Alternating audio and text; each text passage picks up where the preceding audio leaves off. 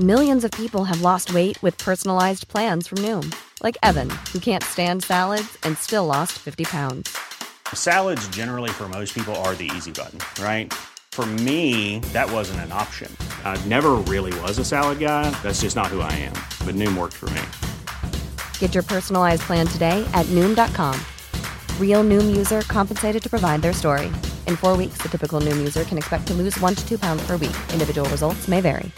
Hiring for your small business? If you're not looking for professionals on LinkedIn, you're looking in the wrong place. That's like looking for your car keys in a fish tank. LinkedIn helps you hire professionals you can't find anywhere else, even those who aren't actively searching for a new job but might be open to the perfect role. In a given month, over 70% of LinkedIn users don't even visit other leading job sites. So start looking in the right place. With LinkedIn, you can hire professionals like a professional. Post your free job on linkedin.com slash people today. Hey, it's Ryan Reynolds, and I'm here with Keith, co-star of my upcoming film, If, only in theaters May 17th. Do you want to tell people the big news?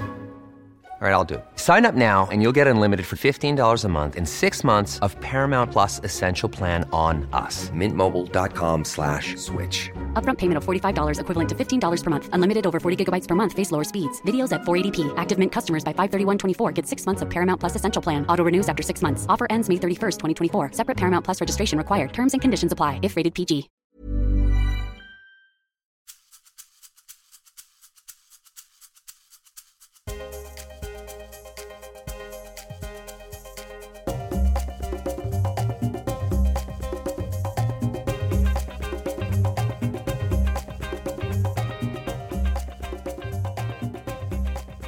Hej och välkomna till ett nytt avsnitt av Karriärpodden med mig Eva Ekedal. I det här avsnittet får jag möta och samtala med Karin Gide som är kommunikationschef på STIM. Karin började sin karriär inom utbildningskoncernen EF, bland annat som chefredaktör med ett eh, antal år utomlands i både USA och Hongkong. Och sen har hon arbetat i PR-byråbranschen och bland annat varit med och startat PR-byrån New Republic. Hennes utbildningsbakgrund består av en filkand i språk och statsvetenskap och lite senare också en MBA från Handelshögskolan. Karin och jag kommer att samtala om allt från balansen i livet, rollen som kommunikationschef till kvinnor i maktpositioner och däribland Hillary Clinton. Men innan vi startar så vill jag tacka min samarbetspartner Manpower Group som gör det möjligt för oss att producera och sända Karriärpodden. Då är det dags. Nu kör vi!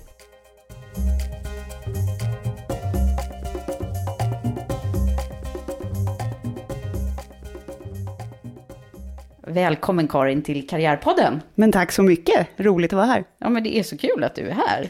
Och du är ju en sån här van poddare. Jag van och van, jag har varit med några gånger i, i, i poddsammanhang. Ja. Det är väldigt roligt att prata i Ja.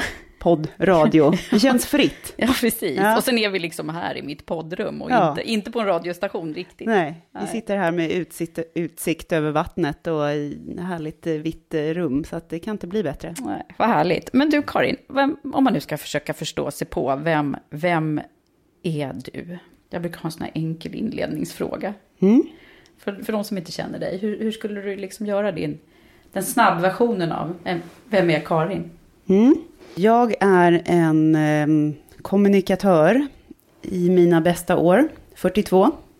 Jag är eh, lite schizofren tror jag i, mitt, eh, i min, min, min eh, personlighet. Att jag har en, en väldigt så här sprudlande och, och impulsiv och ostrukturerad och kreativ sida. Och så har jag en eh, duktig sida också. Som är mer eh, väldigt mån om att det ska bli rätt, det ska bli bra, det ska vara kvalitet och ehm, jag ska minsann veta vad jag pratar om och då ska jag ha läst på. Jaha, så du har båda de här sidorna? Det har jag definitivt. Och eh, om man tittar på mitt CV så har jag gått både på Kalle Flygares teaterskola och på Handelshögskolan. Ja, jag såg det. Det var spännande. Det var nästan en av mina frågor. Hur, hur får du ihop det där liksom? Nej men jag tror att jag eh, måste ha det så. För att eh, annars blir livet för tråkigt. Och för mig. Om jag inte har den kreativa sidan blir det för tråkigt. Och då mår jag inte bra. Och har jag inte den strukturerade sidan blir det för jobbigt och st- läskigt och stressigt. Och då mår jag inte heller bra. Så det behöver vara liksom både lite rörigt och strukturerat? Ja. Är det det jag hör Ja. dig säga?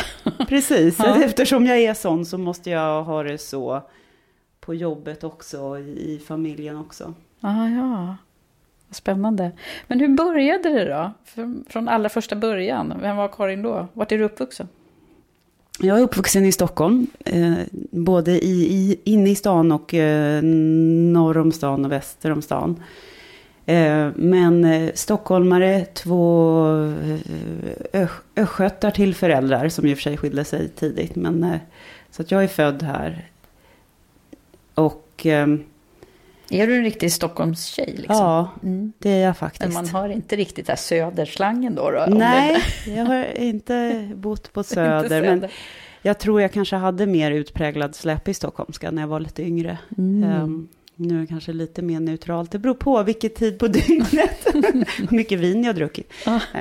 Ehm, men eh, du, jag, det började väl med att jag var en, eh, också så här lite både och som barn. Jag var ett ganska nördigt barn. Jag lärde mig läsa när jag var fyra. Jag hade väldigt lätt för mig i skolan. Jag var väldigt duktig på allting. Ehm, men ganska nördig sådär. Eh, med glasögon och, och kunde dra mig undan och sitta i ett hörn och läsa någon bok. Eh, Mm. men eh, så kunde jag också då rymma på rasterna och dra iväg från skolområdet med min lika busiga kompis Hanna. Och då blev vi tagna i örat, inte bokstavligen men tillsagda av rektorn och sådär. Ehm, och Jag hade hittat på massa bus och trassel. Så det är väl lite... Jaha, så det var redan där kunde man se den här lite Ja. både kreativa, Ja. busiga och ordentliga och noggranna. Mm. Okej, det var bra att du har kunnat liksom definiera det där. Jag tror att jag har kommit, jag har kommit lite till ro med det. Eh, För det innebär ju också att jag har famlat lite grann efter min identitet. Men jag tror nu att jag har landat i att jag är nog faktiskt så här, både och. Och eh, jag, får, jag gillar det. Det finns bra saker med det också. Mm. Mm. Precis, det är ju huvudsaken är att man liksom kommer på, eller ja, man kommer ju på vad det lider, vad, vad, man, vad man har för utmärkande drag. Ja, och så blir man kanske lite mer förlåtande mot sig själv. Att nej men, här, jag kommer nog aldrig bli så himla bra på det där och det där. Och det är okej. Mm. Men vad tänkte du då från början att hur, hur yrkeslivet skulle se ut? Vad hade du för drömmar? Nu måste jag tänka lite. Djur. Jag eh, hade en sån här Mina vännerbok som jag upptäckte. Hur upptäckte jag den? Ursäkta. Jo, jag tror att jag rensade ut på vinden eller någonting för inte så länge sedan. Och eh, där stod det, Karin, åtta år, hade skrivit, vad, vad, ty, vad, vill vad tycker jag om djur? Vad tycker jag inte om killar? Eh, eh, och krig. Eh, vad vill jag bli när jag blir stor? Djurskötare eller eh, någonting annat. Jag älskade djur. Jag ville bli veterinär, djurskötare. Jag hade en massa olika djur hemma som jag pysslade om. Och så min, min den här nördiga sidan läste, jag läste på, jag kunde varenda hundras, det kan jag fortfarande, eh, varenda hästras, kattsort. och hur man skulle göra för att verkligen optimera för den här lilla hamstern då, då i, i sin bur. Ja. Hur kom du så att det inte blev det då? Jag är nog alldeles för dålig på eh, kemi och biologi och naturvetenskapliga ämnen för att komma in på någon veterinärlinje. Så det var, det var inte det som var din grej då egentligen? Nej, kanske Nej, inte. nej. Mm. Jag älskar fortfarande att vara med djur. synd att inte jag, tycker hade min lilla hund här idag. hemma då. då. Eh, ja, precis. Då hade jag suttit och gullat med den. Mm. Vad hände sen då? Efter åtta års ålder, ehm, då tyckte jag nog mer om eh, böcker. Jag eh, läste och läste och läste och läste oavbrutet. Och jag skrev mycket. Brevväxlade och jag skrev historier. Och var väldigt mycket inne i olika fantasivärldar. Eh, det var det sättet jag minns att jag lekte på. Liksom. Med kompisar. Så hur kom du på att du, vad du skulle studera och sådär? Mm. Eh, litteratur var på något sätt helt självklart. Det var det, också i den här lådan som jag hittade på vinden faktiskt. Så hittade jag gamla uppsatser. Som jag hade skrivit, alltså i kreativt skrivande då.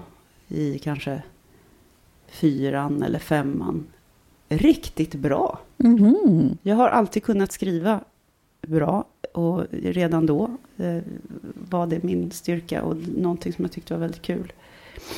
Så det var det jag fortsatte med. Och det var, låg, det var också naturligt förstås. Vad är arv och vad är miljö? Herregud, min mamma var ju när jag var liten var ju hon eh, vd för ett bokförlag eller förlagschef. Okej. Eh, Var böcker överallt hemma. Min styvpappa var också eh, chef på ett bokförlag. Så att eh, jag hade ju tillgång till så mycket böcker. Och det var inte många som kom och sa till mig så här, hörru du, slå ihop den där boken och gå ut och sparka fotboll. För det var ingen som sparkade fotboll i min. Nej, okej. Så det, äpplet faller inte så långt ifrån då, kan man Mm. konstatera. Mm. Eh, Men jag har en, en ganska sportig sida som jag då inte upptäckte. var väl nackdelen kanske med den, den här uppväxten bland böckerna. Att jag kom ju på kanske först när jag var 20 att det hade nog varit väldigt bra för mig att vara med i något fotbollslag.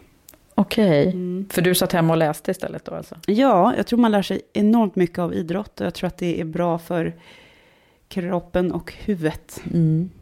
Men du kom på det sen?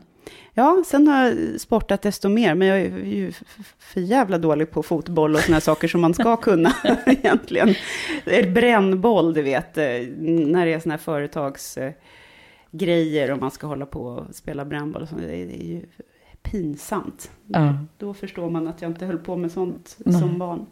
Nej. Men hur- bestämde du dig för att plugga eh, tidigt? Eller hur, hur var du ute och jobba lite först? Eller hur gick det till? Eh, Det var lite fram och tillbaka där. Ehm, Hur gick det till? Mitt, mitt första jobb var ett sånt där, det här vill jag göra, eh, jag, jag skickar in lite på, på späck sådär. Jag såg på Arbetsförmedlingen att IF sökte någon form av eh, någon, IF språkutbildningsföretaget som är en svensk grundare. De, sökte, de hade startat en avdelning som hette Multimedia. Här säger lite om när det här var i tiden. Eh, Men jag tyckte att det var superspännande det här med detta Eh, nya som hette internet och interaktivitet och hur man då kunde lära ut språk i det här fallet genom att skapa innehåll. Så att eh, ehm, innehållsbaserad kommunikation och var ju jätte... Jag kunde kanske inte formulera så då, men, men jag sökte det där jobbet och fick åka till USA och var assistent när vi gjorde ett dataspel för att lära ut engelska. Var det ditt första jobb liksom? Eller första riktiga jobb? Ja, det var faktiskt mitt första riktiga jobb. Det, Jag har ju jobbat i, vet, i sommarjobbat i äldrevården och Cassanika Mm. och gjort lite sådana här saker Mm. innan. Men det där var liksom första riktiga? Ja. Det låter ju som ett guldjobb sådär, åka till USA och... Ja, det var ju jättekul. Och det var också, bidrog till att jag, jag hade pluggat lite teater då, då på Kalle Flygare. Men jag kände att den här eh, skådiskarriären, det är nog inget för mig. Jag, är, jag, jag tyckte att det kändes läskigt. Att, jag har alltid haft ett, en väldigt stark övertygelse om att jag, jag måste kunna försörja mina barn. Den tanken har alltid funnits i mitt huvud. Jag vet inte riktigt var den kommer ifrån faktiskt. Men någon slags... Eh, jag vill inte bli beroende av någon annan. Vare sig någon man eller någon annan. Eh, och eh, jag tyckte att det här med skådespelare, de här fria konstnärliga yrkena var oerhört lockande men alldeles för läskiga rent eh, eh, ekonomiskt. Eh, och också faktiskt påfrestande mentalt. Herregud vad du blir bedömd hela tiden när Mm. du är skådis. Och jag var inte riktigt rustad för det. Jag tyckte att det var jobbigt på Kalle Flygare med de bitarna. Ja, men Så du jag- gick färdigt den? Nej då, jag Nej. gick en termin och sen Aha. får man välja om man vill söka om och såna här saker. Och, men några av dem jag gick med idag, de sökte ju sen scenskolan och, och blev skådisar. Men det har jag faktiskt aldrig ångrat, det valet. Och att jag gick in i en, eh, en mer traditionell eh, sån. För då var det fil. kand istället? Läser och så mig till. pluggade jag statsvetenskap och så pluggade jag då litteratur på engelska som var mitt huvudämne. Ehm, och ehm, sen så fortsatte jag jobba på EF med det här som då kallades för content. Eller vad det, jag vet inte vad man kallar det för nu. Men, Men content gäller Eh, det funkar nog fortfarande. Ja, redaktionellt innehåll och, och, och, och det här corporate communications-spåret. Eh, sen jobbade jag där flera år, bodde i ut, utlandet. Eh, nu tar jag lite kort här. Mm, då. mm. Eh, I USA och i Asien har jag bott och eh, startade bland annat en tidning i, i Asien i EFs re, regi när jag bodde i Hongkong. Sen fick jag eh, en till, ett till sånt här bildningskomplex. Jag bodde i Hongkong och det var eh, det är en speciell värld när man är sån här um, utlandssvensk där. För att folk har ju så, har gått på så fruktansvärt fina skolor och har så oerhörda, oerhörda meriter. Det är sån här meritocracy som man säger i, i USA. Att alla gått på Harvard Business School eller Yale eller MIT eller, Mm. eller något motsvarande i Europa. Då tänkte jag, men en filkand från Stockholms universitet i humaniora, hur högt smäller det? Men nu måste jag göra något åt det här. Så då eh, tittade jag på vad finns det för eh, ettåriga eh, utbildningar som är då Masters of Business Administration, sån här, eh, MBA. Eh, alltså ekonomi fast med fokus på ledarskap och organisation. Eh, jo, men i, i, eh, i Europa så fanns det några stycken. och Bland annat hade Handelshögskolan i Sverige då, i Stockholm, eh, just startat upp ett sådant program. Då sökte jag det, för jag längtade också hem till Sverige. Jag hade bott utomlands i många år då. Mm. Och eh, var nog lite vilsen där också i min identitet och min yrkesmässiga identitet. Eftersom språket och mitt modersmål alltid har varit min största styrka så vill jag också tillbaka till det lite. Mm. Så efter handel så fortsatte jag jobba i Sverige och gick in i PR-världen. Just det, och då var det PR PR-byråvärlden Mm. för dig. Mm. Du var med och startade någonting där också. Mm. Jag jobbade på några olika PR-byråer och lärde mig hantverket. Vad är ett pressmeddelande? Vad är en debattartikel? Hur gör man det här? Eh, lärde mig det svenska medielandskapet som jag inte hade så bra koll på. Och, och även svensk, eh, ja du vet, hur den politiska arenan såg ut och sådär. Jag hade ju varit borta jättelänge. Mm, just det. Så här är tio år sedan ungefär? Ja, Eller? precis. Så jag gick ut Handels då 2005 och började jobba på byrå. Och sen när jag hade gjort det i några år så eh, hoppade jag av och, eh, och startade egen byrå med kollegor. Och eh, gjorde det ett tag och eh, Hur var det då? det var väldigt, väldigt roligt. Eh, alla eh, måste starta företag någon gång i sitt liv, tycker jag. Eh, det är inte så läskigt som man kan tro. Eh, det är väldigt utvecklande och eh, trivs man inte med det så kan man gå tillbaka in i den stora företagsvärlden och bli anställd igen. Mm. Så när var ditt första chefsjobb? När kom det? Eh, alltså det fanns ju med när jag var i, redan när jag var i Hongkong och hade ett team med redaktörer då. Eh, och även när, vi, när vi startade byrån så var det ju eh, jag som var en av grundarna och Ja, just det. Mm. ledarna där. Eh, idag har jag ett mer traditionellt eh, chefs, linjechefsjobb med direktrapporterande avdelning och så vidare. Mm.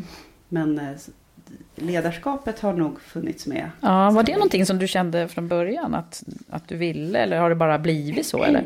Både och skulle jag vilja säga. Naturligt för mig. Det har aldrig, jag har aldrig haft några betänkligheter om att vara chef eller bli chef. Det, det, är, det är en naturlig utveckling på, på karriären. Eh, Det, är inte, det har aldrig varit läskigt eller sådär för mig. Ehm, Det tror jag beror mycket på att min mamma var, var chef och, Mm. och vd och sådär. Och jag komma in på hennes kontor och hon satt och läste manus med fötterna på bordet och folk Mm. gick in och ut och det var papper i högar och mm, problemlösning och sådana här saker. Är det så att hon har varit en förebild för dig tror du? Eller? Ja, Mm. absolut. Det är sånt där som man kanske kommer på efter ett tag. Att, eh, vilka är det som har inspirerat en egentligen? Och sådär, att de, har, de valen man nu gör Mm. här i livet. Framförallt när det gäller karriär. Det är, det är inte säkert att det är en förälder, det kan ju vara andra personer också. Det låter ju lite som du har blivit inspirerad där, om inte annat. Mm, ja, absolut. Eh, Men du, eh, när man tittar på din karriär så här långt då, nu är du kommunikationschef på STIM. Eh, vad, vad är det som har varit absolut roligast hittills? Vad, har, vad är det du har liksom, wow, där kände jag verkligen flyt och att det var kul varje sekund. Har du känt så? Menar du just på STIM eller menar du över hela? Nej, över hela karriären sådär. Mm. Ehm, jag tycker varje, varje, ny, varje ny fas har varit otroligt rolig. Jag, jag var fantastiskt glad över det här första dataspelet vi gjorde på HEF. Ja. Eh, jag, eh, den här tidningen eh, som vi gjorde också i Asien. Att skapa... Ja, jag märker ju det nu när jag pratar om det. Det är när jag har, liksom har ska, skapat någonting nytt. Så man kan, något, något konkret sådär. Jag, jag tyckte att det var oerhört roligt att dra igång det här företaget. Och, och, och nu finns det här och nu har vi en logga och nu har vi kunder och det här gör vi. Liksom, skapandet. Och I mitt nuvarande jobb så har jag, har jag tyckt att arbetet med Stims medlemstidning har varit otroligt roligt. Att, att få se hur idéer blir till någonting i slutändan. Den, den typen. Ehm, det behöver ju inte vara en, en produkt heller som man kan hålla, hålla i handen sådär. Men nya samarbetsformer och sådana där saker. Jag, jag gillar Så det. när det är liksom lite nytt? Så. Kreativitet med. Eh, Det är den där sidan Ja. då av dig som, som kommer igång ja, då eller? Ja, Mm. men, men det måste ju finnas struktur också för att det ska, det ska bli en uppföljning och det ska, Ja. det ska hålla och det ska träffa rätt, Mm. det man gör. Men, eh, och det är, tycker jag, det roligaste med att, att vara chef eller vara i en ledande position. Att, att eh, det blir en typ av frihet i och med att du har en beslutsfattande roll. Och det är mycket ansvar. Eh, så är andra sidan av det att det är mycket frihet. Mm. Förstår vad jag menar med det? Mm. Jo men precis, det är mycket egna, eget driv och egna beslut Ja. och så som... Ja, man hör ibland det här med, med unga människor tycker att åh, det verkar så tråkigt att vara chef och det är så mycket ansvar och man, man har inte frihet att göra något. Nej, tvärtom tycker jag. Mm.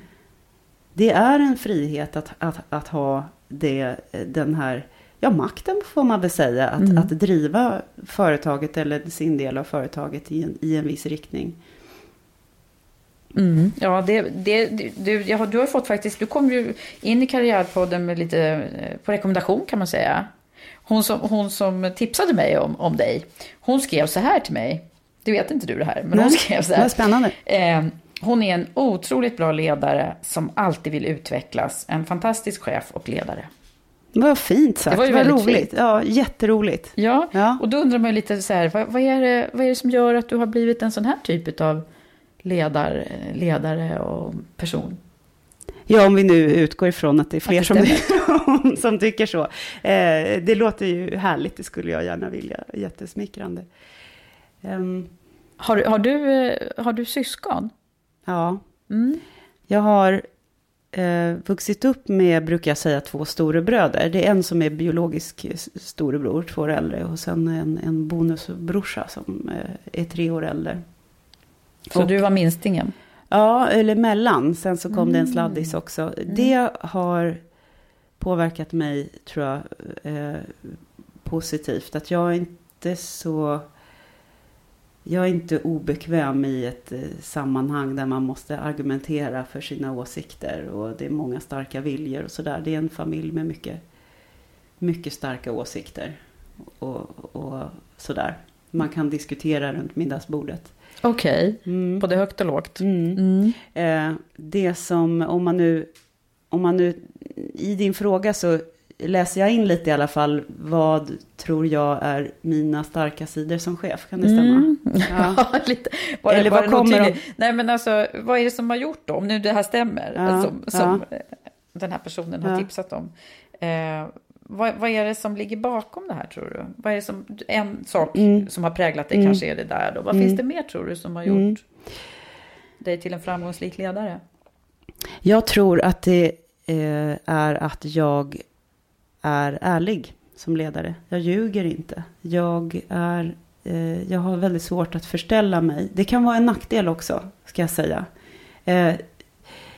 I varje, all, alla har ju sitt unika ledarskap och, och det är ju säkerligen inte alla som gillar min typ av, av ledarskap. Jag är glad om många gör det. Eh, för att i det ingår ju att jag är, är, är ganska eh, ohämmad, höll jag på att säga, i, i mina åsikter om, om, om eh, eller mina synpunkter och vad jag känner och vad jag tycker och, och mina, mina svaga sidor. Eh, jag försöker inte vara någon superhjälte. Jag tror att det är ett modernt ledarskap. Jag tror att man lurar den här, som jag ser lite mer traditionella chefsrollen när, när chefen ska vara bäst på allting. Det tror inte jag att eh, den, åtminstone inte den yngre generationen vill ha. Därför att det säger sig självt att ingen människa kan vara bäst på allting. Mm. Och jag eh, vill då använda mina medarbetares eh, talanger för att göra mig till en bättre människa. Mm. det låter lite... Mm. Eh, jag menar inte att jag utnyttjar dem så, men att göra vår, vår, hela vår avdelnings så att säga, output blir ju bättre om jag anställer folk som är bättre än vad jag är. Så det är det jag försöker göra hela tiden. Mm. Och att man inte är rädd för att, för att vara sämre, utan ser sig själv mer som en, en spelfördelare. Och sen är det ju vissa saker som jag alltid måste ta, som jag inte kan delegera bort, till exempel beslutsfattande. Och där tror jag att jag har en stark sida, för jag är inte rädd för att ta beslut. Beslut kan man alltid ändra, men en ledare som är rädd för att ta beslut sätter hela tiden eh, käppar i maskineriet som är en avdelningsproduktion, liksom, eller framåtrörelse, eller ett företags mm. eh, framåtrörelse. Då, då, hamnar alla i något slags vakuum hela tiden. Mm.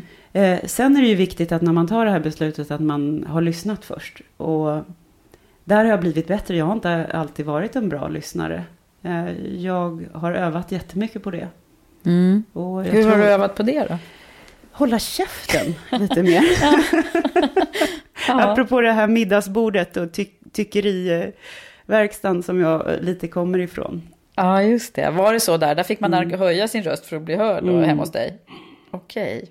Och nu har du fått träna på att hålla tyst då?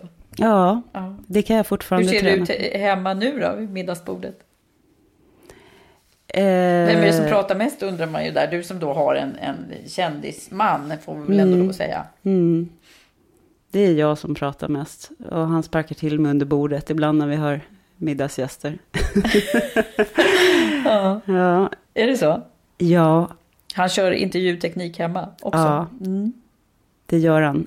Han eh, har lite som sitt signum, min man som är tv-journalist, eh, för de som inte vet det, han, han, att han ställer öppna frågor, som du gör, Eva. Eh, öppna, korta frågor och låter den som pratar, pratar. Och då blir det gärna så att de som pratar prata på. och det är ju liksom meningen, åtminstone här är det ju det. ja. ja, men i ledarskapet är det klart att det, ibland är det bra mm. att, lyssna mer och ibland måste man ju naturligtvis kunna argumentera för sin sak i ledarrollen också. Mm. Och för att då, man gillar att säga tre saker, så här retoriskt, mm, men kanske tredje grejen, det är fram där har jag tänkt mycket på det här med framförande. Eh, eh, apropå då tv och media och den här väldigt betittade världen vi, vi verkar i. Vi som jobbar i företag också, även vi som inte är kändisar. För alla företag är så, är så granskade och eh, alla chefer är, är talespersoner numera. Det kommunikativa ledarskapet är ju inte omtvistat längre, utan det är så att, en, att framgångsrika ledare är kommunikativa. Eh, vart vill jag komma med det här? Jo, att jag är bra på eh, själva framförandet. Eh, det är inte vad du säger, det är hur du säger det. Just det. Är det en nyckelfråga för kommunikationschefen idag menar du? Ja, mm. jag tror att det är det för, för alla chefer. Men, eh, mm. men i, framförallt kanske för kommunikationschef och vd. Mm. Men det har jag alltid undrat över, du, rollen som kommunikationschef. Är det så att man liksom får coacha de andra cheferna då i hur de ska kommunicera? Ja. Både internt och externt. Ja. Eh, internt kan det ju vara lite känsligt. Ja, jag tänker Jag det. kanske hade velat coacha mer än vad jag får utrymme för. Det är ju lite gråzon där vad som är HR och vad som är, är kommunikationschef och vad som är kanske VDs Ja. roll. Men definitivt externt. Det, det ingår i alla fall i mitt uppdrag och eh, det bör ingå i, i en kommunikationschefs uppdrag tycker jag. Ja. Att eh, se till att företaget har talespersoner som är väl rustade att vara just det. Och inte slänga ut en, någon stackars människa framför en, en, en ettrig eh, reporter. Mm. Och, och så när företaget är i en kris så ska den här personen då Klara sig bäst den vill. klara sig bäst den vill. Så att även om man sitter inne med en massa faktakunskaper, säg att frågan handlar om någon IT-kris och så slänger man ut någon IT-chef som kanske aldrig har pratat i en mikrofon i hela sitt liv, då blir det ju inte bra. Nej. Men är, är det mycket mediaträning? Jobbar ni med det? Jag har jobbat mycket, väldigt mycket med det när jag har jobbat på byrå. Kanske lite för att jag, jag gillar det också. Så det, det, det, det, det är uppdrag som jag gärna tar. Och jag har också gjort det internt i huset. Man kan säga att eh, den avdelning jag jobbar i fungerar lite som en byrå i huset. Att man är Ah. rådgivare och, och konsult. Men även utför naturligtvis eh, eh, kommunikationsuppdrag. Och I det ingår det absolut att om vi ska ha ett stort, stort evenemang med, med många frågor och kanske en del frågor som är svåra att svara på och så vidare. Då, då vill eh, våra talespersoner känna sig trygga. Och jag som kommunikationschef vill också känna mig trygg i att Mm. ingen går ut och, och säger något som blir jättesvårt att förklara eller, Mm. eller kan tolkas fel. Har du varit med om några liksom, sådana där jobbiga turer i, i rollen som kommunikationschef eller, eller på byrån? Eh, ja, jag mm, tycker, det, tycker absolut att det är en utmaning när företaget hamnar, vilket många gör då, företag hamnar i, i en diskussion i media som är negativ. Att man måste, att man hamnar i en försvarsposition så att säga. Det, det blir en, det, det kommer ut en tes eller det sätts en tes i, i media eh, som man inte har varit förberedd på eller inte har, har kunnat göra någonting åt. Och så hamnar man i en förklarande roll. Mm. Eh, och idag så, just det faktum att eh, ett företag blir så att säga granskat eller, eller omskrivet tolkas ju ibland som att företaget har gjort något fel. Mm. Men hur, ska, vad, är tricket då undrar jag? Kan du inte coacha mig här lite? Hur, hur, ska, Ja. hur ska man göra? När man hamnar i de här... Mm. Ska vi hitta på något hypotetiskt exempel då? Ja, företaget Eva AB eh, hamnar i en eh, Gud förbjude, granskning. Därför att eh, jag råkar få en elchock här när vi sitter här och pratar i den här mikrofonen. Ja. Nej, jag vet inte. Men, men eh, då, då finns det ju några tumregler som man måste hålla sig i, eh, tycker jag. Och det är att man alltid ska titta på, vilk, är det några människor som har blivit drabbade? Först och främst. Okej. Eh, och ta ansvar för det, uttrycka empati för det. Och eh, hitta, eh, visa handlingskraft, att göra någonting åt saken så att säga. Och ta reda på fakta. Mm. Många företag glömmer ju gärna det. Att man blir pådyvlad en massa saker som kanske inte alls stämmer. Ta reda på fakta, vad är det som egentligen gäller? Ehm, och ehm, sen kan man ju tycka en massa olika saker om det här med att göra en pudel som har varit så, Mm. så, så himla trendigt de senaste åren.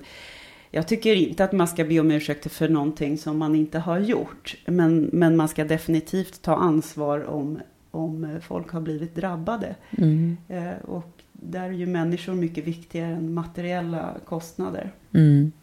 Ja, visst är det så. Mm. Men det där, jag kan ju bara tänka mig att det där måste ju vara ett ganska intressant jobb när när det hettar till och när det är... Eller också Mm. så är det inte det. Eller är Nej, det men så att man är triggad av det när man är Absolut. kommunikationschef? Ja. Att man bara gillar när Ja. det krisar lite? Eller? Ja, jo, ja och nej. För att eh, eh, man kan ju, man kan ju alltså, pro, professionen i, tycker ju att det är roligt när det händer saker och man kan få göra no, någonting åt det. Men, men eh, det är aldrig roligt, så att säga, om, om ens företag eller det varumärke man representerar blir eh, får en massa negativ Ja. kritik. Det, det kan jag inte säga. Att det. Men det är då man liksom sätts på, sin, sätts Ja. på prov lite i, i, den rollen? Eller? Ja, jag, tror, jag tycker faktiskt att det är en minst lika stor utmaning när det inte händer någonting. Att få folk att tycka att företaget är intressant. För det är ju också en, en, en kommunikationschefs Mm. roll. Mm. Att, Men eh, har, har, den här, har rollen förändrats? Har du sett någonting som, som händer med kommunikationschefsrollen? Mm.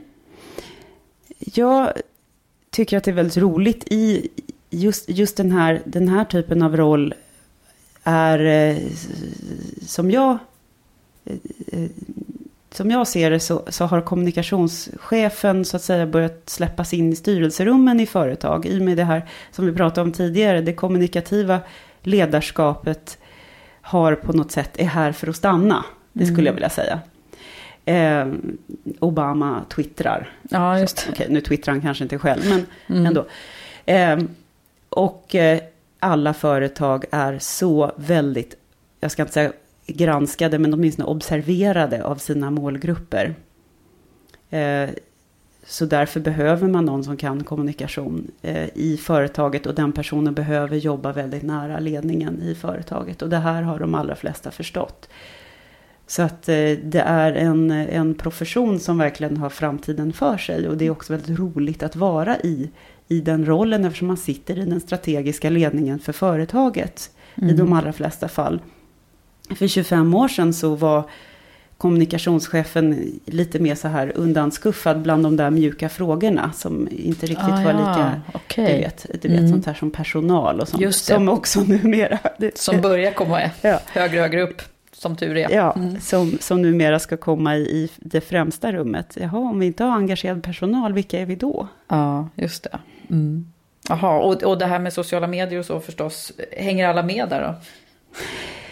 Ja, det, det tror jag. Ibland tycker jag att man kanske lägger så otroligt stor vikt vid, vid eh, att minst 15 tweets om dagen från varje... Det kan bli lite väl. Att, jag, jag tycker att det är viktigt att man eh, också har någonting att säga. Mm, hitta lite balans i det där Mm. också. Mm. Tror du vi kommer göra det? Just nu tycker jag det känns som en riktig boom kring det där. Att man, finns man inte där så, så finns man inte liksom. Mm.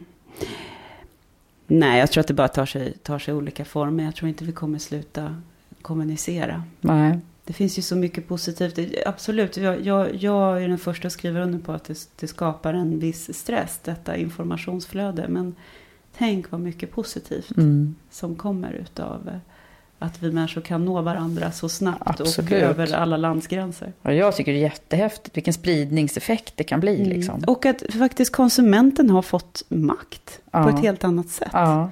Och, och företagen då, för att knyta an till det vi pratade om tidigare, de, de får ta ansvar. Ja.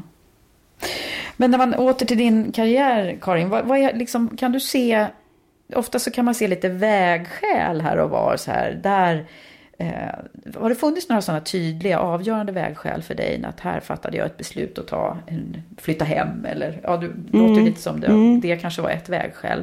Men, eller lärdomar som du har gjort längs resan så här långt?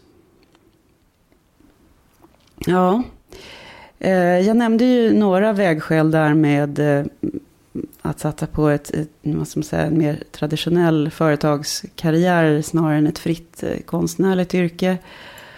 Ehm, och att ehm, flytta hem eftersom jag jobbar med kommunikation och, och hitta och verka i, i min egen kultur. Eh, jag eh, det som jag tror har präglat, ska jag säga, som har gjort att jag har hamnat där jag, där jag är idag är ju också att jag är, har, har hoppat på nya, nya utmaningar ganska snabbt.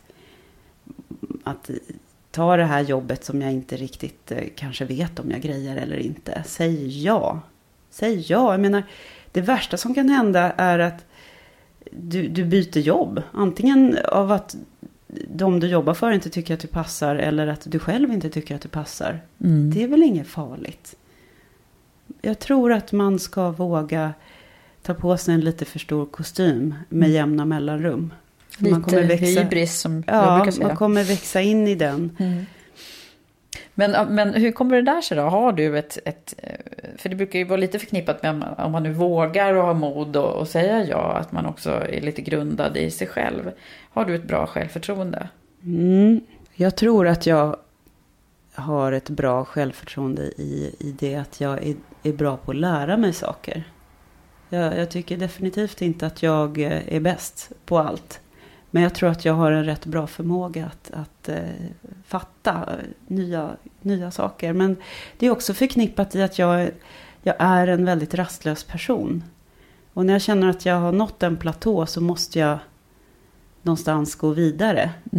Så Det det är nyfiken då, eller vadå, på nya ja, grejer? rastlös, nyfiken. Eh, jaha, nu har jag lärt mig det här. Nu ska jag lära mig något nytt. Och det finns ju en, en eh, baksida där. Man kan, eller jag tycker att jag lätt tar på mig för mycket. Och lätt eh, kanske har, har för många utmaningar på för många plan på en gång. Och då, då blir jag lite, då har jag svårt att, svårt att orka med. Mm, mm. Och det där upptäcker man ju kanske lite sent. Mm, Just det. Men Mm. hur får du ihop livspusslet nu då? Eh, Familj och barn. Mm. Hur många barn är det nu då? Eh, Jag har tre, tre barn. Eh, Två, två biologiska barn och ett bonusbarn. Så i familjen finns det tre barn. Och eh, vi har ett pussel som går ut på att min man jobbar på ett tidiga morgnar på TV4 då, Nyhetsmorgon. Och han lämnar då hemmet vid kvart i fyra tror jag det är. Är det så tidigt? Ja, för de ska ju vara sminkade de och klara och redo och Jesus. frukosterade och manusgenomgångna när, när vi andra går upp. Men den som har det värst är ju hans eh, partner där, Tilde de Paula, för hon måste ju ha hela hår och hela Ja, sminkgrejer. just det. Han behöver inte sminkas Ja, lika ja. mycket. Nej. Han kör bara någon slags hästsvans. Ehm, jo, och Hiring for your small business? If you're not looking for professionals on LinkedIn, you're looking in the wrong place. That's like looking for your car keys in a fish tank. LinkedIn helps you hire professionals you can't find anywhere else, even those who aren't actively searching for a new job but might be open to the perfect role. In a given month, over 70% of LinkedIn users don't even visit other leading job sites. So start looking in the right place. With LinkedIn, you can hire professionals like a professional. Post your free job on linkedin.com/people slash people today. Millions of people have lost weight with personalized plans from Noom, like Evan, who can't stand salads and still lost 50 pounds. Salads, generally, for most people, are the easy button, right? For me, that wasn't an option. I never really was a salad guy. That's just not who I am. But Noom worked for me. Get your personalized plan today at Noom.com.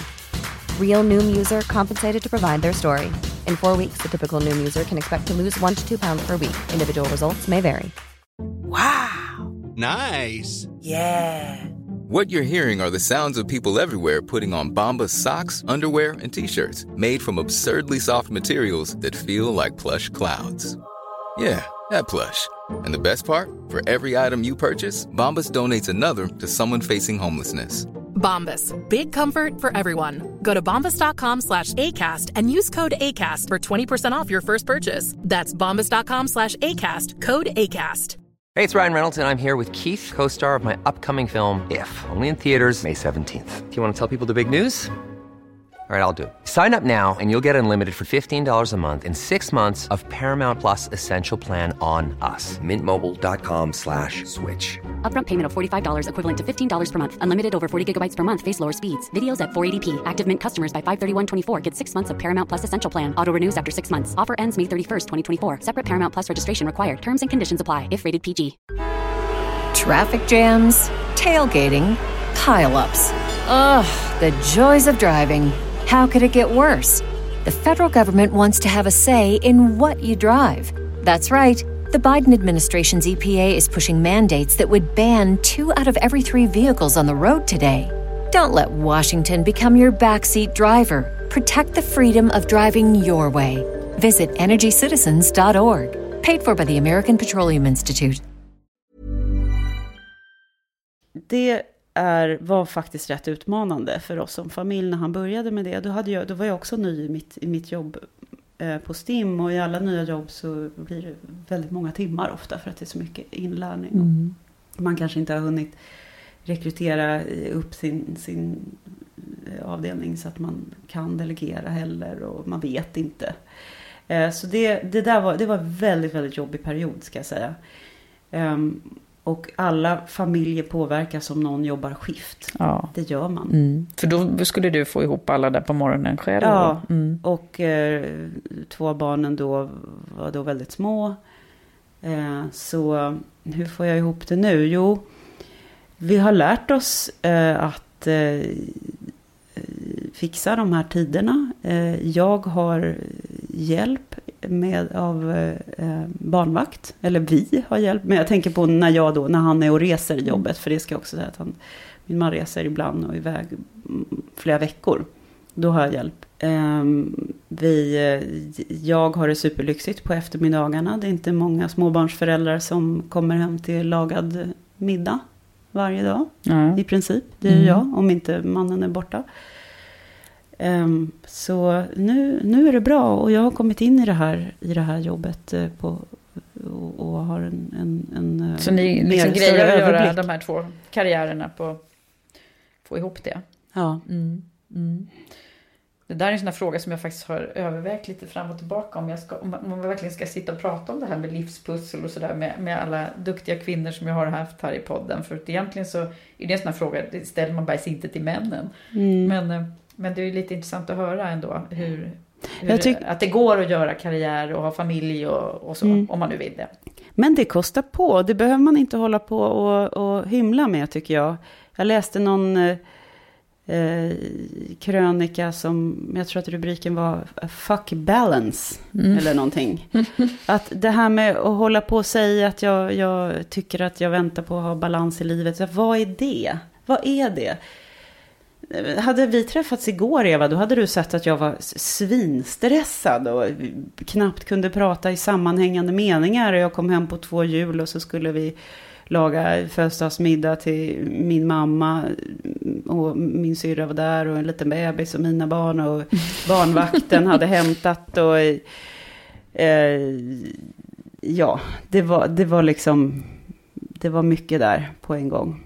Det, men, men eh, jag kan hantera det på något sätt på något, med lite mer distans. Så Att, jaha, nu kommer, nu, just nu är jag ett stressmonster och det betyder att jag s- är lite stirrig och Ja. på något sätt, jag vet att okej, imorgon har jag en lugn dag, jag kommer sitta, eller lugn och lugn, jag kommer sitta och jobba hemma, jag, jag kommer välja bort det här och det här mötet för att jag behöver landa i det. Så att, nej, jag tror inte att, eh, jag tror inte att ekvationen går ihop på det sättet som eh, man kanske trodde eller någon idealiserad bild av att eh, vi ska kunna sitta och vara, det ska vara helt lugnt att ha kombinera eh, två he- heltidsarbetande föräldrar. Om man tar en, en sån traditionell familj då. Eh, och, och, så, och så har man två eller tre barn och så ska man ha ett hus och så ska man ha ett sommarhus. Det är klart att det blir skitstressigt. Mm. Men det är ju eh, under de här tio åren Mm. kanske. Mm. Och barnen, sen blir barnen lite större. Precis. Eh, och då faller en grej bort. Mm. Det misstag, om jag ska prata om misstag, det jag gjorde när jag faktiskt mådde riktigt dåligt av stress och fick ta en längre paus. Eh, det var när jag hade både eget företag och ehm, eh, skrev då en blogg. Så att jag hade ju som ett eget Just det, för du har bloggat också. Ja. Mm. Eh, och eh, så hade jag väldigt små barn, alltså halvårs så. Ehm, och sen så samtidigt så råkade det, och det kunde ju inte jag styra över, men det råkade ju också hända en del saker i, i familjen med, med eh, dödsfall och separationer och sådana saker som sj- sjukdomar. Och, Och det är för mycket. Då var jag tvungen att checka ut. Då mådde jag riktigt dåligt. Eh, för mig är det otroligt viktigt att är det skitstressigt på jobbet, eh, vilket är med jämna mellanrum, då måste jag finna ett lugn i mitt hem och i min familj. Är det jättestressigt i, i familjen, vilket det kan, det kan vara Mm. då och då. Det kan ju räcka med att ett barn inte mår så bra. Mm. Eller en förälder har, blivit lite äldre och behöver hjälp med någonting. Eller någonting drabbar en syskon. De hamnar i någon kris eller någon bästa kompis, vad vet jag. Då, måste jag, då hittar jag liksom lugnet i jobbet. Men det har jag lärt mig att gå inte in i en situation där det är krisigt på jobbet och krisigt hemma. För då, då går det åt helvete. Och det där kan ta lång tid. Mm. Eh, och det har jag ju sett. Mm. Klokt. Så det- Nej, men det är ju sådana eh, lärdomar som jag tror man behöver. Antingen, det är svårt att lära sig det om Mm. man inte har blivit lite utsatt för det. Mm. Nej, men visst, det är inte, det är inte okomplicerat Mm. att, att leva ett liv. Nej, så det jag gjorde var i alla fall att eh, ha, tog, ta en lång sjukskrivning, lägga ner bloggen, eh, byta jobb, göra en förändring, flytta Mm. till, vi flyttade till, till större så att vi fick plats och ja, ta bort Mm. Du gjorde ett faktorer. antal eh, Mm. steg där då. Mm. Mm. Mm. Hur lång tid tog det då? Alltså för dig att hitta, hitta tillbaka? Mm, tre månader. Mm. Vad håller du i av det där då? För det där är ju sånt som är Mm. lätt att glömma bort Mm. och sen är man där igen. Mm. Man... Eh, försöker inte ta på mig såna här extra såna här superroliga saker som att eh, börja blogga igen eller så. Och eh, sova. Eh, jag är rätt dålig på att sova. Jag, jag hamnar lätt i tillstånd när jag får sömnbrist. Alltså sö- jag insomnia, svårt att somna och sådär. Och då måste jag på något sätt eh, också ta tag i det. Mm. Eh, Så check, checka ut tills jag kan sova ordentligt. Och, och offra, kanske inte gå på det där sena yogapasset och gå och lägga mig tidigt. Och eh, kanske låta bli att dricka vin några veckor för att man vet ju att alkohol gör att man sover sämre. Låta bli att dricka kaffe. Det låter ju Mm. skittråkigt allt det här. Men, men om jag inte sover då blir jag ju en fruktansvärd människa. Både hemma och på jobbet. Det, Ja. det har hänt. Ja. Ja. Nej, men det, jag kan inte hantera, då kan jag inte hantera stress alls. Nej. Så hur är det nu då om man skulle ta tempen på dig? Är du bra på att hantera stress nu? Ja, eh, för det mesta. Mm. Jag tror att det handlar just om den här, kan jag hämta energi hemma, då är jag bra på att hantera stress på jobbet. Mm. Eh, och tvärtom. Mm. Mm. Ja, men det är ju inte en, en alls oviktig fråga det där. Alltså, jag tror att vi, det finns ju ingen som kan säga att man, ja men visst, jag tål hur mycket som helst. Mm. För det, så Det är ingen som inte. gör det. Nej. Ingen som gör det, för någonstans, någonstans kommer det sippra ut. Ja. Och där tror jag också att, att, man, att man ska våga som chef säga att Förlåt, jag är inte riktigt mig själv idag. Det är lite mycket just nu. Jag, Mm. jag tror jag behöver gå hem och vila. Och det fattar folk. Mm. Det, jag tror att eh, man behöver inte vara, återigen, man behöver inte vara någon übermensch. Nej. Men du, hur var det att blogga då? Vad, vad har du lärt dig av det? Det var väldigt roligt. Det började med att jag då, mitt, den här, det här rastlösa jaget, tyckte att det var lite ensamt och, och, och enahanda att vara föräldraledig. För att jag fick liksom, det var såklart härligt med bebis och, och, och så. Det är ganska mycket att göra också, och det får man ju säga. Men, men inte så mycket med hjärnan kanske. Då började jag skriva och sen så var det, fanns det ju on, enormt mycket stoff det här med att bli förälder. Det sätter igång så otroligt mycket eh, tankar och känslor. Så då började jag skriva om föräldraskap och mammaliv och just kombinationen mammaliv och, eh, och jobb och karriär. Och den här bloggen plockades upp av tidningen Mamma, Bonnier tidskrifter.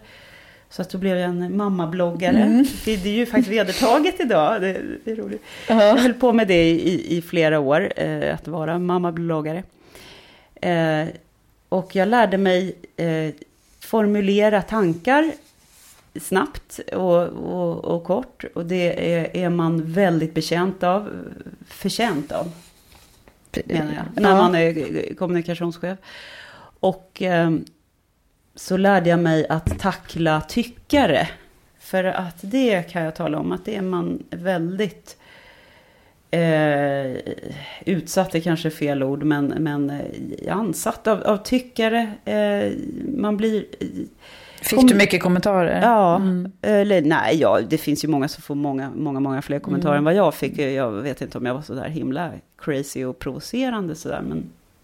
Men kommunikation är någonting som alla ty- kan tycka om. Är, är man, säg att man är chefsjurist. Alla vågar inte tycka till om juridik för att det känns oj, det här, här kan inte jag, det verkar läskigt. Men kommunikation, det kan ju jag, alla kan ju kommunicera. Och varför gjorde ni inte så här? Eller Varför, vi borde göra så här. Och det här kan ju inte vara så lyckat eftersom vi såg ut så här och gör, gör detta. Det, det, det där är ju en, en del av mitt jobb. Att, att på, något säga, på något sätt försöka stå stabil i den här stormen av tyckeri Mm. som eh, Så du som det drog en, en del lärdomar där alltså? Ja. Att, Men hur ska man göra då när det är folk som helt plötsligt nästan ut med nättrollen och sådär? Liksom, hur ska man hantera det? Man ska tycka eh, synd om dem. För det är det ju. Mm. Eh, och eh, så ska man skita i dem. Mm. Det är, de har väldigt lite, om man får prata eh, kommunikationsspråk, så har de ju väldigt lite reach. Det är Mm. inte, de faller ju ofta på eget grepp. Ja. Och jag har hela tiden fått övervägande delen positiva kommentarer. Och det Och då är det de man får foka på suga åt sig. Och, Mm. Men det kan, jag, det kan jag absolut säga att första halvåret, det var helt, jag, jag var helt, jag tyckte det var så jobbigt så att jag tänkte nu måste jag sluta. En kommentar kunde sitta kvar Mm. i hjärtat i, i dagar och jag vred och vände och hur kan den här människan tycka det och hur kan de ha mage och ha åsikter om si och så. Och där fick jag väldigt mycket hjälp av min man som Ja, han är, eh, förstås tränad på det. Ja, ja han, han bryr sig. Han, säger, han sa hela tiden, men du vet ju vem du är. Det spelar väl ingen roll vad de tror, de vet ju inte. Och du vet ju vad du kan. Och, eh, välj några människor som du litar på. Och det, det rådet följer jag fortfarande. Välj några som du litar på och bry dig om vad de tycker och skit i resten. Mm. Okej. Det lät ju faktiskt väldigt bra. Det är så man ska göra helt enkelt. Ja, Hålla det borta. ja. Det låter ju som bra lärdomar du, du gjorde av det där bloggandet. Mm. Finns det andra grejer som, som jag tänker på? Det är ju oftast av de där lite tuffare stunderna som vi, som vi växer och man Mm. tar till sig. Har du några andra grejer som har hängt med i ditt yrkesliv eller privat? Eller? Mm. Oj, nu måste jag tänka lite. Eh, ja, jag, jag nämnde ju den här eh, eh utbrända fasen som jag hade. Jag lärde jag mig jättemycket på. Vad... Vem, vem, vem är jag, höll jag på att säga. Vem, vad mår jag bra av? Och, och vad behöver jag för inslag av må bra i mitt liv? Och hur ser jag till att jag får med det. Eh, och eh, jag insåg att jag gjorde för mycket pliktfyllt och för lite lustfyllt. Mm. Och där kan jag ofta hamna. Eh, eh, att, men nu har jag då en varningsklocka som är så här. Nej, nu måste du boka in något kul här. Och det kan vara en middag med någon kompis. Eller det kan vara träning. Eller det kan vara tid med, med, med min make eller med barnen eller någonting. Men skäm, skämma bort, inte vara rädd för att skämma bort sig själv. Och inte vara så himla duktig hela tiden. Nej. Har det, det har funnits en sån här duktig flicka i, i dig som ju gör Ja, och jag hyllar, jag, jag hyllar faktiskt den duktiga flickan. Jag tycker att den duktiga flickan har fått lite bad rep i onödan. Ja. Och det associeras så mycket med bettskenor och, och, och spända halssenor och stackars eh, o, obekräftade kvinnor som bara vill eh, bli sedda av sin frånvarande pappa. Det, här är ju klyschan liksom om den duktiga. Vad fan, den duktiga flickan, inte det är bara en jävligt kompetent kvin, kvinna som, som, som vågar och gör grejer och kan lära sig saker. Och jag tycker fler killar borde bli duktiga flickor, höll jag på att säga. Ja. Eh, för det handlar om att ta ansvar och se till att man levererar med kvalitet. eh, också. Men Och- varför har det en sån eh, negativ klang då, tror du? Därför att jag tror att eh, eh, killar blir lite hotade av de här extremt kompetenta kvinnorna runt omkring sig. Och då måste man hitta ett sätt att förhålla sig till det och då, då, då nedvärderar man lite. Eh, varför finns inte uttrycket duktig pojke i företagsvärlden? Nej, därför att man, man, man säger att det där är en människa med koll. Det där är en kille som levererar. Han missar ingen detalj. Ja, just det. Då Mm. beundrar man. Då blir det en hjälteegenskap. Men hos en kvinna blir det någon slags neurotisk kontrollpsykos. Kaninkokargalning som Ja, behöver det. Mm. hjälp och terapi och åka till Goa och hitta sig själv. Ja. Den där klyschan tycker jag är så konstig. Ja, men det är sant alltså. Men du, det leder oss ju osökt in på mina frågor kring hur du ser på det här med jämställdheten och kvinnor i ledarrollen och så. Vad, vad, har- vad har du för syn på det här med, med jämställdheten? Hur långt har vi kommit och hur är det i din värld? Mm.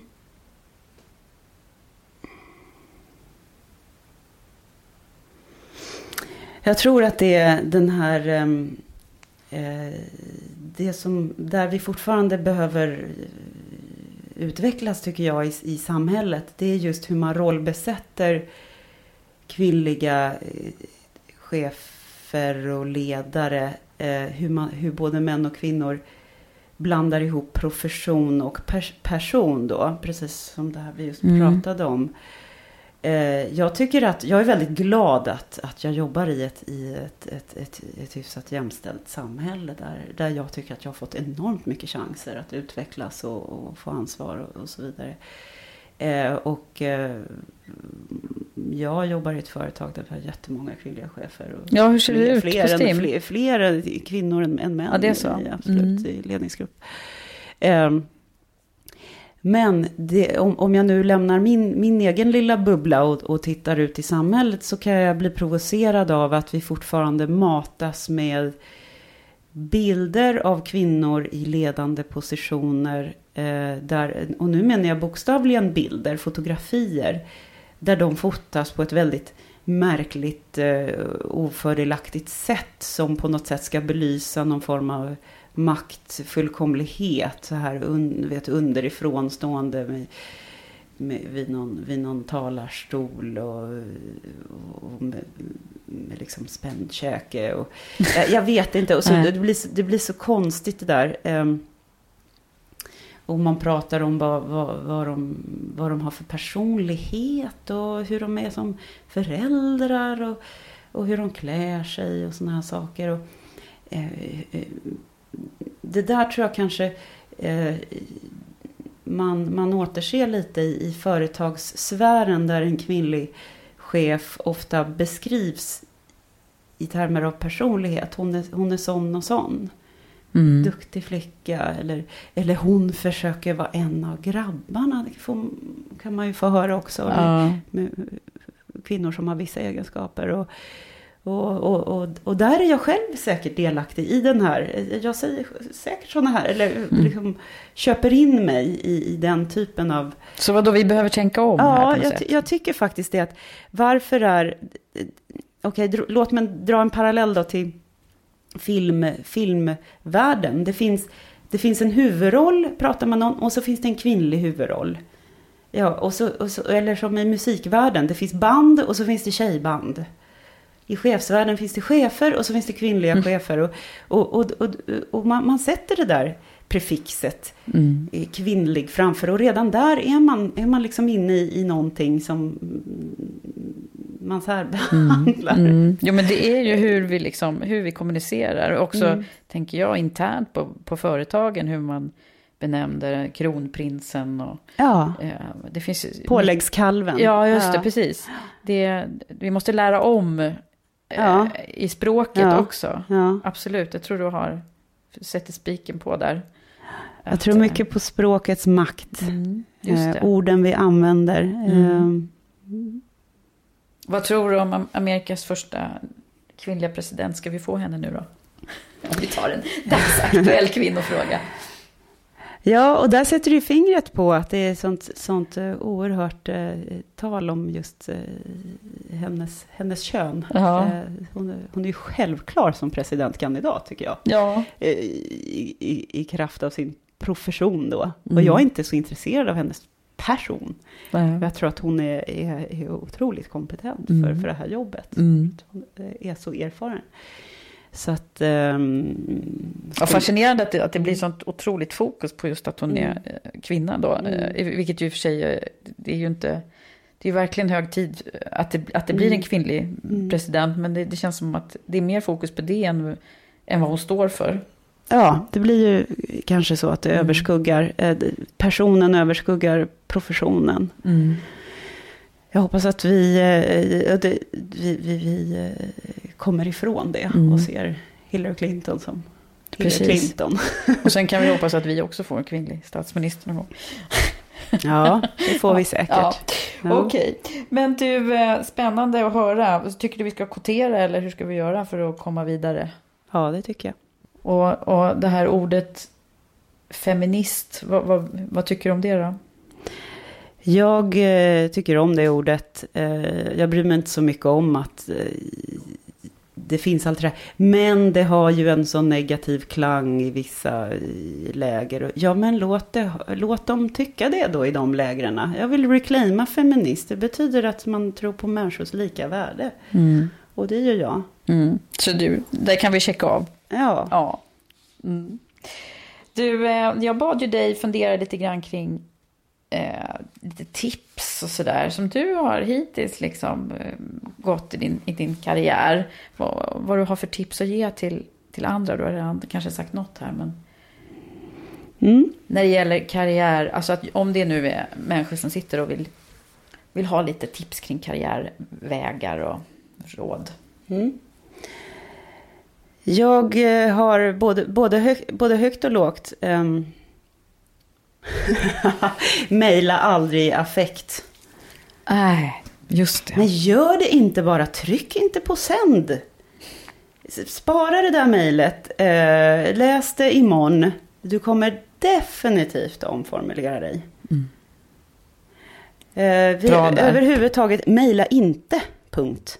Ring folk, sök, gå och prata med dem. Det är så otroligt mycket mejl. Och det blir ju sällan så himla bra. Nej. Ehm, Det var jättebra.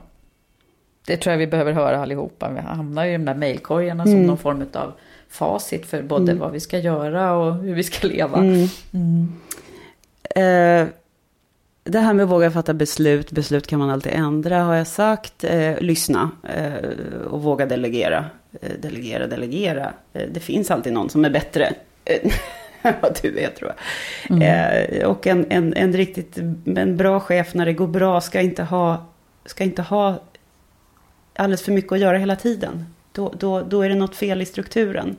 Då får man rekrytera eh, i, i, personer som kan hjälpa till. Och, eh, eller våga släppa ifrån sig. Ehm, Strävar du efter det och liksom ha lagom, lite, lite, lite mindre att göra liksom? Eller?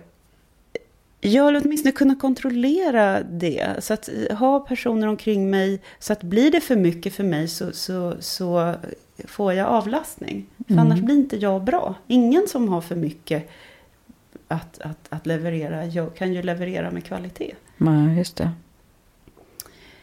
Ehm, Och så, så det här, apropå det här med mejl, möten. Eh, våga ifrågasätta varför du är kallad till ett möte.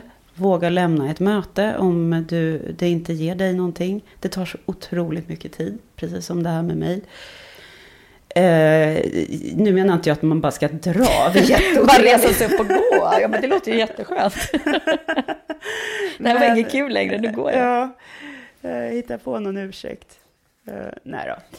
Men eh, ja, principen där att, och, och sen tänk på dig själv i mötet. Är du en människa som tar, tar energi i mötet genom att sitta och sura över att varför sitter jag här i det här långa mötet och har, kan inte tillföra något. För att då suger man ju ut ännu mer energi. Alltså man har ett ansvar när man är i ett möte att, att, att föra in den där energin. Så att Eh, en, en, en, en annan variant som är lite mer konstruktiv är ju faktiskt att man vågar fråga. Alltså, hur, kan jag, hur kan jag tillföra någonting här? Eller vad, om man inte förstår vad, vad mötet handlar om, vad, vad, hur skulle, vad kan vi besluta här? Och vad har vi för... Eh, sen kan man ju kalla det, alla företag har ju sin lingo, action points eller vad ska vi göra med det här och vad är det för beslut och tar vi det vidare. Men man, att man vågar driva det själv som deltagare får, många människor har ju i den här världen med alla mejl och all, all stress och sådär. De går ju runt bland möten och, och liksom bara tar det som någon slags sån här lite allmän paus. Och vad skönt, jag sitter mm. här i ett möte. Då kan jag dricka lite, lite, kaffe och, mm. och andas. Och det är ju en väldigt mänsklig, eh, mänskligt behov att man behöver andas då och då. Men då kanske, då kanske det är bättre att försöka korta ner mötet och faktiskt ta en promenad runt huset. Eller gå hem lite tidigare. Ja. Eh, då blir det nog bättre stämning. Eh, och eh, mm, vad har jag mer lärt mig? Jag, jag, säger det här nu verkligen med brasklappen att jag är inte världsbäst på allt det här. Många av de här sakerna kanske jag har blivit rätt bra på men har varit usel på tidigare och så vidare. Just att eh, konflikter, var inte rädd för konflikter. Eh, så att säga, eller var inte rädd för meningsskiljaktigheter. Eh, alla kom, folk tycker alltid olika. Du kommer inte vara i, du kommer aldrig jobba om du har ett något sån här dynamiskt jobb med människor omkring dig. kommer du inte vara i en kultur där alla alltid tycker lika om allting och det är inte heller eftersträvansvärt. Men hur hanterar man att tycka olika? Hur hanterar du att andra tycker olika än du själv? Mm. Här har jag fått jobba jättemycket med mig själv. Mm. Man behöver eh, inte få konsensus i alla frågor. Nej, liksom. och, alla, och jag har inte alltid rätt. Och det och, och, och faktiskt också, även om jag kanske har rätt så kanske jag får ge mig i alla fall mm. och, och gilla, gilla läget då. Eh, det kan finnas andra saker som väger tyngre. Det kan finnas saker du inte känner till. Mm. Mm. Men är inte det typiskt det där det svenska? Det här konsensus, att alla ska, alla ska vara med, alla ska tycka lika och sådär. Hur var det när du jobbade utomlands? Var det någon skillnad då? Eh, ja, i, när jag jobbade i Kina med eh, också jobbade med redaktörer från eh, det vi kallade fastlandssidan, det vill säga Kina. Eh, eh, Hongkong är ju en liten smältdegel av en massa olika kulturer. Eh, men i, eh, i Kina så finns det ju ett, ett ett oerhört... En, en, dels finns det en statlig eh, censur. Och där man eh, också finns det en kultur där man faktiskt blir bestraffad om man går utanför normen. Eh, och det är jättedeprimerande att mm. jobba mm. med människor som inte... Man ser att de har en, en, en kreativ potential som de, de kommer som inte, de tar död på. De kommer inte omsätta den i handling. För att de, de vågar inte. Nej, det blir det här mm. monolitiska tänket.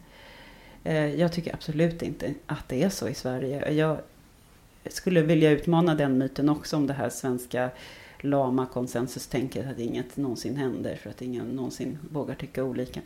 Jag tycker inte alltid att hetsiga diskussioner och konflikter är så himla produktiva i möten. Jag tycker att man fastnar eh, ofta, många ledningsgrupper består av en massa sådana här tyckarpersoner eh, och man fastnar ofta i det att det jaha, nu, nu, nu ska jag också visa att jag minsann också kan ha en mm. åsikt om det här. Och då hittar man inte, eh, ja vi kan kalla det flow. Eh, man hittar inte det konstruktiva samtalet där, jaha vad tycker du Eva? Jo, jag tycker så här så här. Ja, jag hör vad du säger. Vad speglar varann? Och mm. Kan man tänka sig så här?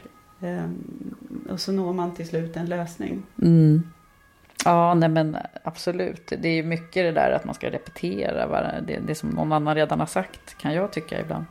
Ja, mm. ja. Mm. Eh, det, finns ju, det är också en sån här mötesregel. Om du ska säga samma sak som den tidigare föregående talare, mm. säg det inte. Det har ju redan sagts. Nej. nej, precis.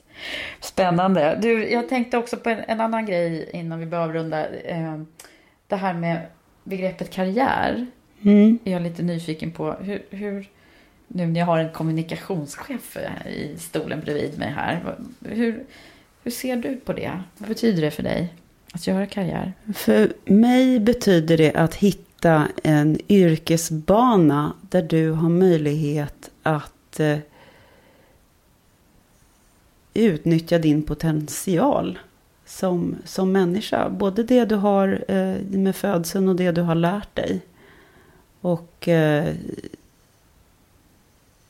sen kan den ta sig helt olika vägar, hur som helst. Eh, om jag skulle ha något råd till, till yngre lyssnare så är det absolut att inte haka upp sig på någon slags traditionell Först går man den här utbildningen, sen har man den här traineeplatsen och då är det naturligt att få det här entry level jobbet i det här bolaget och sen ska jag kliva dit och dit och dit. Kringelkrokbanor är det bästa som kan hända för det är det som utvecklar dig. Annars är du i samma, med samma personer hela tiden. Mm. Just det. Så att du, du liksom är för att man ska ta lite kringelkrokar ja. i karriären. Mm. Eh, det har varit jättetufft många gånger för mig att, att vara i, bara i, i, bo i andra kulturer. Och bli utsatt för den stressen som det är när ingen fattar mina skämt. Nej. Nej men, ingen, ingen fattar vare sig mina skämt eller vad jag säger eller vem jag är. Eller, Nej. Ja. Men eh, det har jag med mig i, idag när jag mm. jobbar i en, i, kanske inte så lika mångkulturell kultur, men, men kanske kan se. Mm. Så att all, allting liksom vägs samman på något sätt? Ja. Mm. Mm. ja. Du, har alltid, du har alltid med dig, allt du gör kommer du kunna lägga till din eh, verktygslåda, mm. skulle jag vilja säga. Så mm. var inte så rädd för att testa lite okonventionella vägar i, i karriären då. då. Nej, just det. Nej, mm. du som testade först, Kalle Flygare och sen den andra. Ja.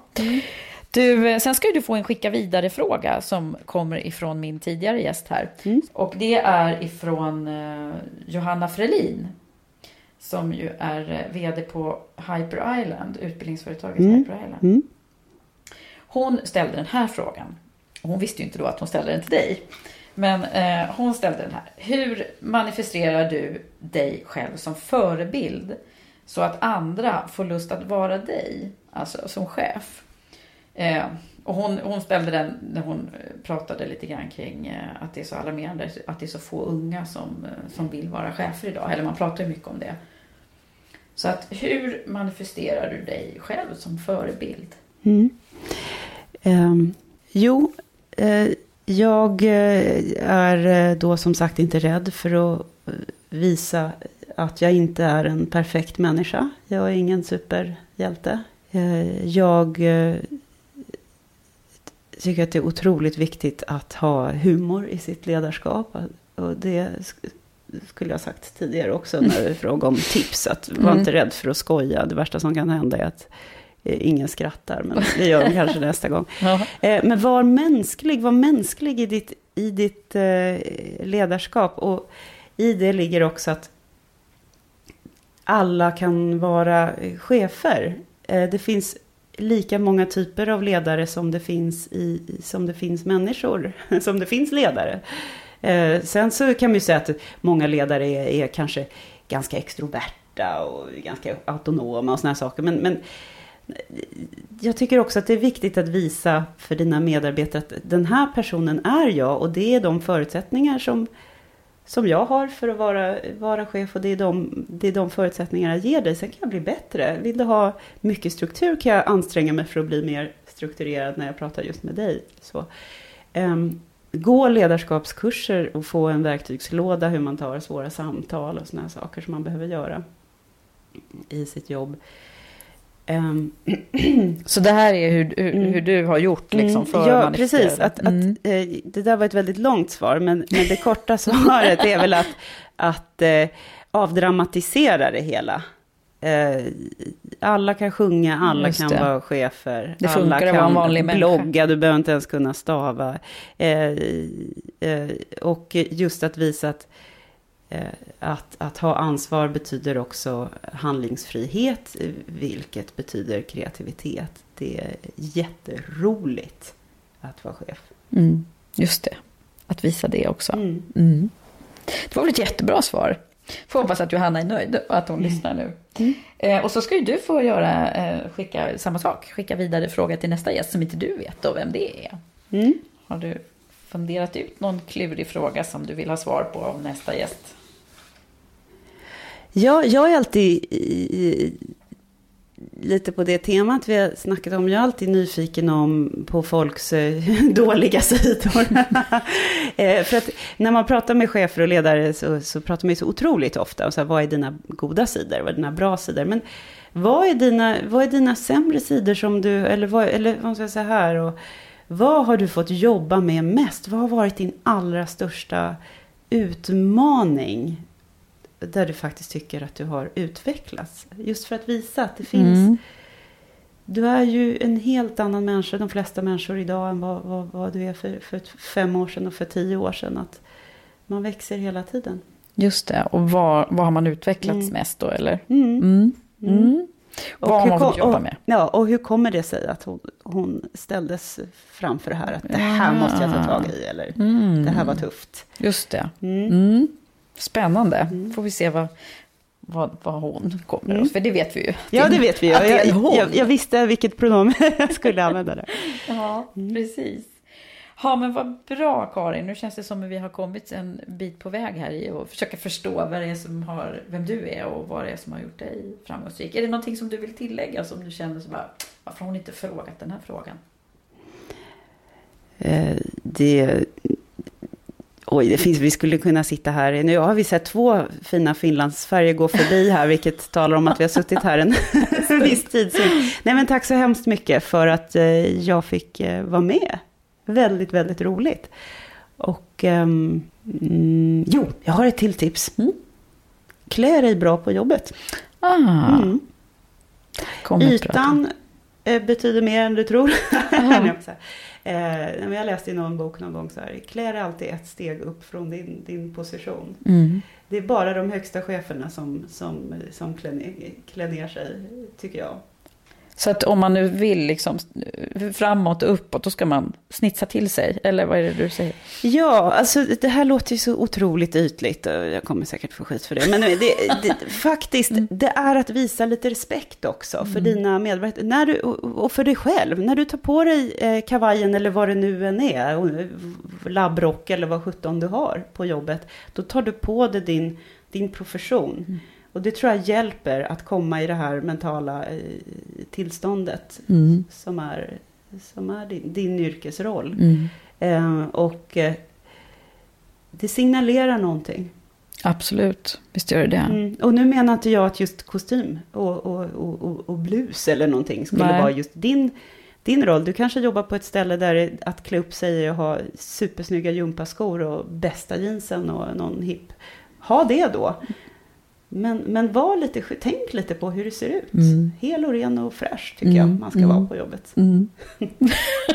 Gud vad bra Karin, det där var ju bra slutord tycker jag. Nej men faktum är att jag håller med dig. Det, det, finns, det är lite så här skämmigt att prata om det där, Mm. att man inte ska Mm. liksom göra sig Mm. till och så. Men jag brukar ju ofta få frågan hur ska man se ut när man går på anställningsintervjun Mm. och sådär. Eh, men jag tycker nog att man, man ska liksom, man ska nog göra det lite, vara lite eh, snyggare än vad man är liksom till vardags när man går ut det hjälper sammanhang. både inåt mot dig själv och utåt. Och, och som vi, vi pratade om, det, det, man är observerad. Att vara chef är att vara observerad av andra hela tiden. Mm. Och tänk då på hur du fram eh, träder. Mm. Eh, det vill säga hur du framför det du säger. Och, och eh, hur, hur, du, hur du klär dig och hur du ser ut. Mm. Och, och, för annars så lyssnar inte folk längre. Om de bara tänker så här, gud vad otvättat håren där Jag vet inte, det var ett konstigt exempel. Eh, Så, så det, det är precis som när du står, eller när jag, när jag medietränar folk brukar jag säga det. Att, eh, klä dig på så sätt att folk inte börjar fundera på hur, hur, hur. Man har knutit slipsen. Ja, eller varför din kavaj sitter liksom på halv eh, För då lyssnar de inte längre på Ja. budskapet. Så. Ja, vad bra. Tack snälla Karin för att du har varit här. Tack för att jag fick komma hit. Hej då. Hej då.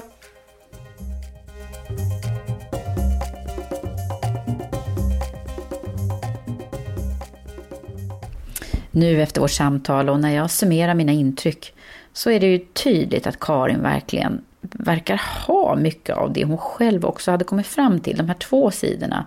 En väldigt kreativ sida och en mer organiserad och strukturerad. Det där med ärlighet och uppriktighet, både mot sig själv och andra, var en annan grej som jag uppfattade och kände under vårt samtal. Jag tar också till mig hennes tips kring kommunikation som jag tyckte var bra och hur vi samverkar med varandra i mötet med andra på jobbet. Tack så mycket Karin! Och lycka till i framtiden! Karriärpodden görs i samarbete med Manpower Group, Sveriges ledande kompetensföretag med fokus på ett hållbart arbetsliv. Tack för att du lyssnat och eh, jag hoppas vi hörs snart igen. Och snälla ni som gillar Karriärpodden, gå in och skriv en recension i iTunes. Hej så länge!